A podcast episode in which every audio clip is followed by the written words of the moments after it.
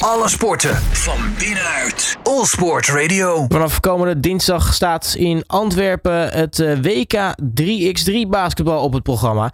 Zowel bij de heren als de dames hoopt eh, Nederland natuurlijk ook hoge ogen te kunnen gooien. Wat kunnen we eigenlijk verwachten van het toernooi? Nou, ik ga erop vooruitblikken met oud-international eh, Jesper Jobsen. Tegenwoordig natuurlijk actief bij 3x3 Unites. Jesper, hele goedemiddag. Goedemiddag. Um, begint het bij jou een beetje te kriebelen? Nee, zeker uh, nu het WK zo dicht in de buurt is. En uh, nou ja, weet je, vorig jaar Olympische Spelen gehad. Nu uh, opnieuw richting Parijs aan het toewerken zijn met elkaar. En nu weer de eerste WK. Ja, ik heb hoge verwachtingen en heel veel zin in.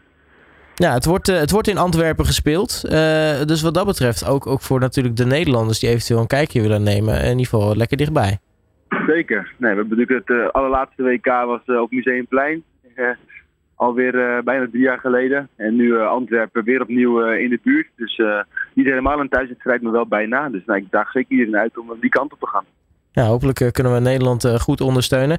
Um, ja, Nederland heeft natuurlijk bij de heren als bij de dames natuurlijk een, een, een topploeg staan. Nou ja, toch in de, de top 5, top 6 van, van, van de wereld. Ja. Um, wat, wat, wat, wat kunnen we daardoor verwachten eigenlijk van, van de Nederlandse teams? En ja, ze hopen natuurlijk zo hoog mogelijk te komen. Ja, nou ik denk um, als we met de mannen beginnen, is daar altijd het speelveld wel duidelijk. Hè? Dat zijn natuurlijk voornamelijk teams zeg maar, die, uh, die echt uh, dedicated 3 tegen 3 basketbal spelen. En, uh, en daarin eigenlijk ook in het, in het internationale profcircuit zeg maar, in 3 tegen 3 basketbal deelnemen. Nou, daarin is Nederland op dit moment echt wel met Team Amsterdam een van de sterkste teams. Team Amsterdam heeft normaal gesproken één service jongen in de geleden, Maxime Kovacevic. Die kan natuurlijk niet voor Nederland spelen, dus daarin is uh, Jesse Voor nu uh, zijn vervanger. Uh, nou, Nederland speelt met hetzelfde team als waarmee ze vorig jaar de finale van het OKT haalden. Dus in dat opzicht denk ik een team wat, wat weet hoe ze met elkaar moeten winnen. dat de concurrentie ook uitermate goed kent. dus ik denk dat Nederland absoluut bij de mannen een medaillekandidaat is. en die weet dat er, dat er wel het hoogste, nou, toch het hoogste haalbaar in zit. Ik denk dat we qua voorbereiding, faciliteiten, het beste van alle, alle internationale teams voor elkaar hebben. Dus nou daarin, het kan alle kanten op gaan, maar uh, zeker ook de juiste kant. En, en misschien wel nou, alles voor Nederland. Ja, Als je bij de dames kijkt, is het, is het altijd een iets lastiger verhaal. Er zijn toch heel veel teams die um, van, met speelsters die in het, ja, in het, ook in, in, de, in het normale basketbal nog actief zijn, daar op hoog niveau spelen. Dus vaak de concurrentie iets onbekender. Ehm, nou, daarin zijn we als Nederland denk ik hebben we een stap voor op de concurrentie. Omdat we uh, een hele goede voorbereiding hebben. En daarin natuurlijk al een aantal jaren een heel dedicated 3 tegen 3 programma voor de dames ook, ook draaien. Um, maar goed, daar zit wel heel veel kwaliteit aan de dameskant op basketbalgebied. Maar het is maar de vraag hoe dat straks uh, bij sommige teams uit de verf gaat komen op het 3 tegen 3 basketbalveld. Ja, want wat heel erg opvalt is als je kijkt naar de, ook de, de, de, de, de rankingpunten, hè, is, is dat bij de vrouwen zit het zo ongelooflijk dicht bij elkaar, hè, die top. Dat is echt niet normaal.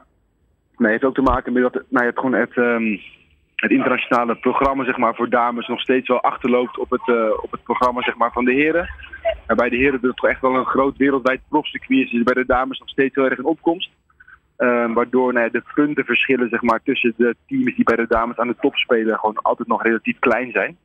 Uh, wat er ook voor zorgt dat je dus ja, sneller eigenlijk weer een soort van team kan krijgen wat, wat, wat ja, met een verrassingseffect komt. Hè. Je ziet vorig jaar natuurlijk Amerika die de Olympische Spelen goud haalt. Eigenlijk met een team wat zich internationaal verder weinig heeft laten zien. Maar ja, wel met gewoon vier kwalitatief heel erg goede speelsters komt. En dan, uh, dan ja, is het natuurlijk voor iedereen gelijk hele zware concurrentie. Ja, dus dat wordt toch interessant. Als we kijken naar de, de, de pools waarin, want het begint natuurlijk in een, in een poolfase. Uh, ja. Nederland zit in een pool met uh, nou ja, onder meer Letland, Polen, Japan en China. dan, dan is natuurlijk Letland de, de, de, de gevaarlijkste speler van die, van die, van die, ja. van die ploegen uiteraard Olympisch kampioen.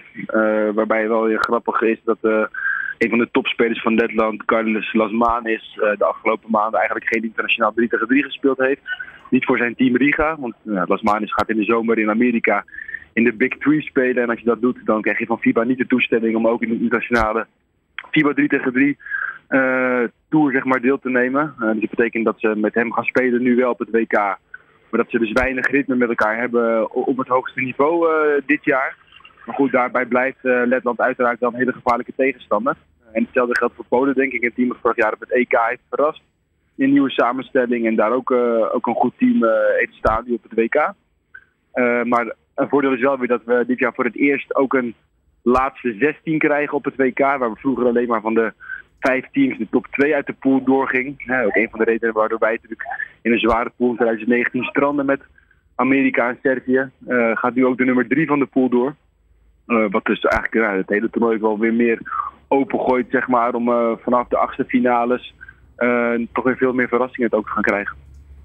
Ja, dus, dus dat moeten we zeker in de gaten gaan houden. Uh, en, en bij de dames is het, uh, nou ja, ik weet niet of de, de pool daar nog helemaal bekend is, maar in ieder geval Spanje, Canada en Chili als, als tegenstanders. En dan ja. ja is het voor, natuurlijk voor de Nederlanders, denk ik, komen ze met uh, nou ja, de Spaanse ploeg toch wel een aantal bekende tegen voor een aantal speelsters. Bijvoorbeeld Nathalie van den Adel die in Spanje speelt.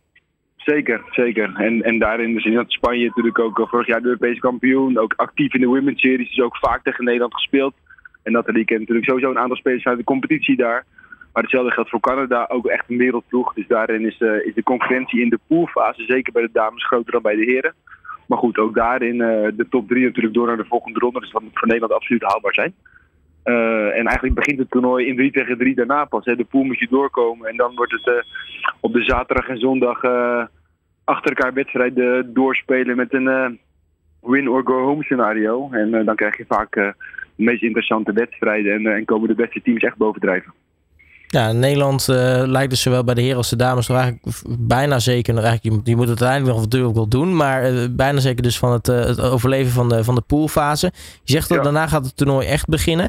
In, in, in wat voor scenario's kunnen we eigenlijk denken? Want uiteindelijk in zo'n zo'n zo'n finale weekend. Ja, de, de vorm van de dag bepaalt natuurlijk wel nou ja, hoe ver je, je zou kunnen komen. Zeker weten. En, en dat hangt natuurlijk van heel veel, heel veel factoren af. Hoe ga je de poolfase doorkomen? Kom je ongeschonden door? Hè? Dus dat is een heel belangrijke. Je, je bent 3 ben je met vier spelers.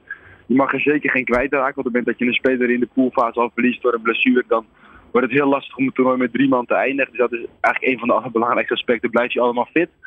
En zodra je dat uh, voor elkaar krijgt, uh, dan wordt het inderdaad uh, wordt, wordt het, ja, wordt het de twee laatste dagen met op zaterdag twee wedstrijden, achterfinale mogelijk kwartfinale. En op zondag een halffinale finales. Dat worden de belangrijkste dagen. En, en, en, daar gaat het om, om, om de pure scherpte. En, en ben je in staat om dat moment in die korte tien minuutjes dat de wedstrijd duurt, de ballen te maken en je tegenstander te stoppen.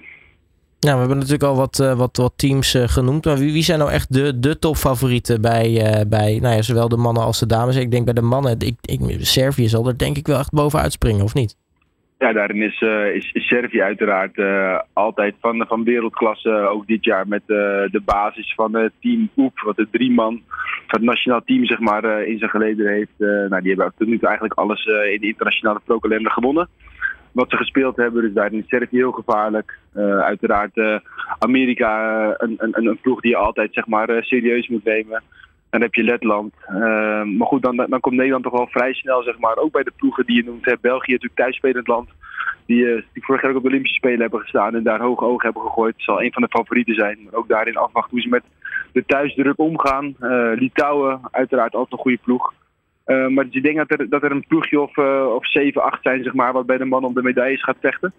Uh, dat is een kleinere groep dan bij de dames, waar er zo, nou ja, ik denk wel 10, 12 teams, zeg maar, ja, daarop op, op aanspraak zouden kunnen gaan maken. Ja, dus kortom eigenlijk genoeg om, om je vingers bij af te likken. En het gaat dus, het gaat dus ontzettend spannend worden in, in Antwerpen. Zeker dus ja. allemaal gaan, gaan kijken. Jij bent denk ik ook wel ergens in, in Antwerpen te vinden de, die dagen? Ja, ik ben er in elk geval van donderdag tot en met zondag. Dus dan, dan ga ik daar ja, de belangrijkste wedstrijd in elk geval zien en, en mijn team aanmoedigen. Kijk, dat is lekker. Jesper Jobsen, mag ik je hartelijk danken voor je tijd. En natuurlijk ja. heel erg veel plezier ook daar in, in Antwerpen. Super bedankt en jullie ook heel veel succes vanuit daar. Alle sporten van binnenuit. All Sport Radio.